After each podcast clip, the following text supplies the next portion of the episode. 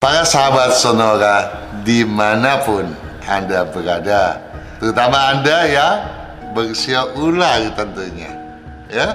Matematika logika Anda tentu saja patut dikesinambungkan, ya. Nah, kesinambungan dari tahun tikus ke tahun kerbau memang sudah terbukti memuncakkan keberuntungan Anda. Nah, matematika logika Anda sekarang harus dipertahankan untuk menjaga jangan sampai terjadi penurunan keberuntungan.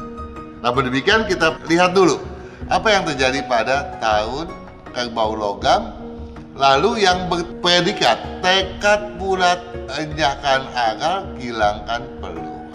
Kalau pada saat itu waspada yang telah Anda biasakan untuk Anda seksamai segala sesuatu hal, maka apa pun, bahkan nilai setitik seperti apa pun, ya, tidak mungkin akan merusakkan belanga Anda. Ya, bahkan nilai yang besar pun takkan mungkin. ya, nilai yang setitik aja kelihatan, apalagi nilai yang besar tentu tak akan mungkin lolos dari pengamatan Anda. Asalkan kabar burung ya juga tidak Anda pedulikan. Di mana kecurigaan Anda pun tidak Anda ubah ke permukaan, kelancaran aktivitas Anda tentu saja luar biasa mulus. Keberuntungan terus saja datang. Ya mengalir bagai seenaknya gitu ya. Memang sikap serius Anda tentu saja memaksimalkan peluang emas pada saat tersebut ya. Yang penting segala sesuatu anda lakukan dengan berdasarkan pada objektivitas karena keselarasan selalu berpihak kepada anda. Keberuntungan yang luar biasa pun takkan sukar anda genggam pula.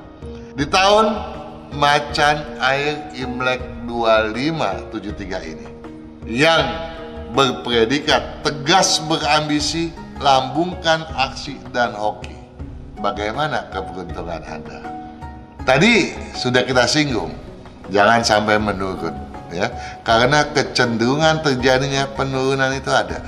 Kenapa menurun? Karena Anda yang berusia ulang memang diramalkan ciong. Walaupun dengan kadar yang relatif kecil. Kedati begitu, semangat Anda memang tidak mudah dipatahkan oleh siapa pun. Nah, dengan modal seperti itu, apa yang harus kita lakukan dalam rentang waktu mulai 1 Februari 2022 sampai dengan 21 Januari 2023? Ya. Ada kata kunci yang sudah saya persiapkan untuk Anda. Kita bahas ya hantem kromo. Hantem kromo merupakan kebiasaan negatif destruktif penuai rugi. Kok bisa begitu sih Pak Kang? Saya di tahun lalu, saya hantem aja semua jadi loh. Gak ada yang gagal. Kok sekarang gak boleh? Iya. Bedanya di tahun lalu, keselarasan Anda pada puncak tertinggi sekarang bukannya begini dia, begini dia, ada di bawah keselarasan, kurang selaras. Jadi hantam kromo tadi harus dipantangkan karena itu harus dianggap sebagai sebuah kebiasaan yang bersifat negatif, destruktif. Kerugian menunggu kalau kita tidak menyingkirkan kebiasaan tersebut. Jadi sikap semaunya, sikap hantem kromo tadi tak patut kita lakukan karena resikonya tentu saja sangat tinggi. Jadi segala sesuatu harus kita siasati betul. Karenanya etika segala patut kian dijunjung tinggi. Etika segala. Maksud segala etika. Ya boleh juga etika segala. Jadi segala macam bentuk etika Orang bilang nih, di mana bumi dipijak, di sana langit patut dijunjung. Itu deh patokannya. Ya, jangan sampai hal-hal kecil yang kita tidak pahami kemudian berdampak besar sehingga menjadi batu sandungan bagi sepak terjang kita. Jadi di mana pun kita harus tahu ya apa yang boleh dan apa yang tidak boleh. Namun keliru kalau dengan masalah disikapi grogi. Jadi tadi udah dibilang nih bahwa logika Anda masih berperan baik. Artinya ya keliru dong kalau kita menjadi grogi.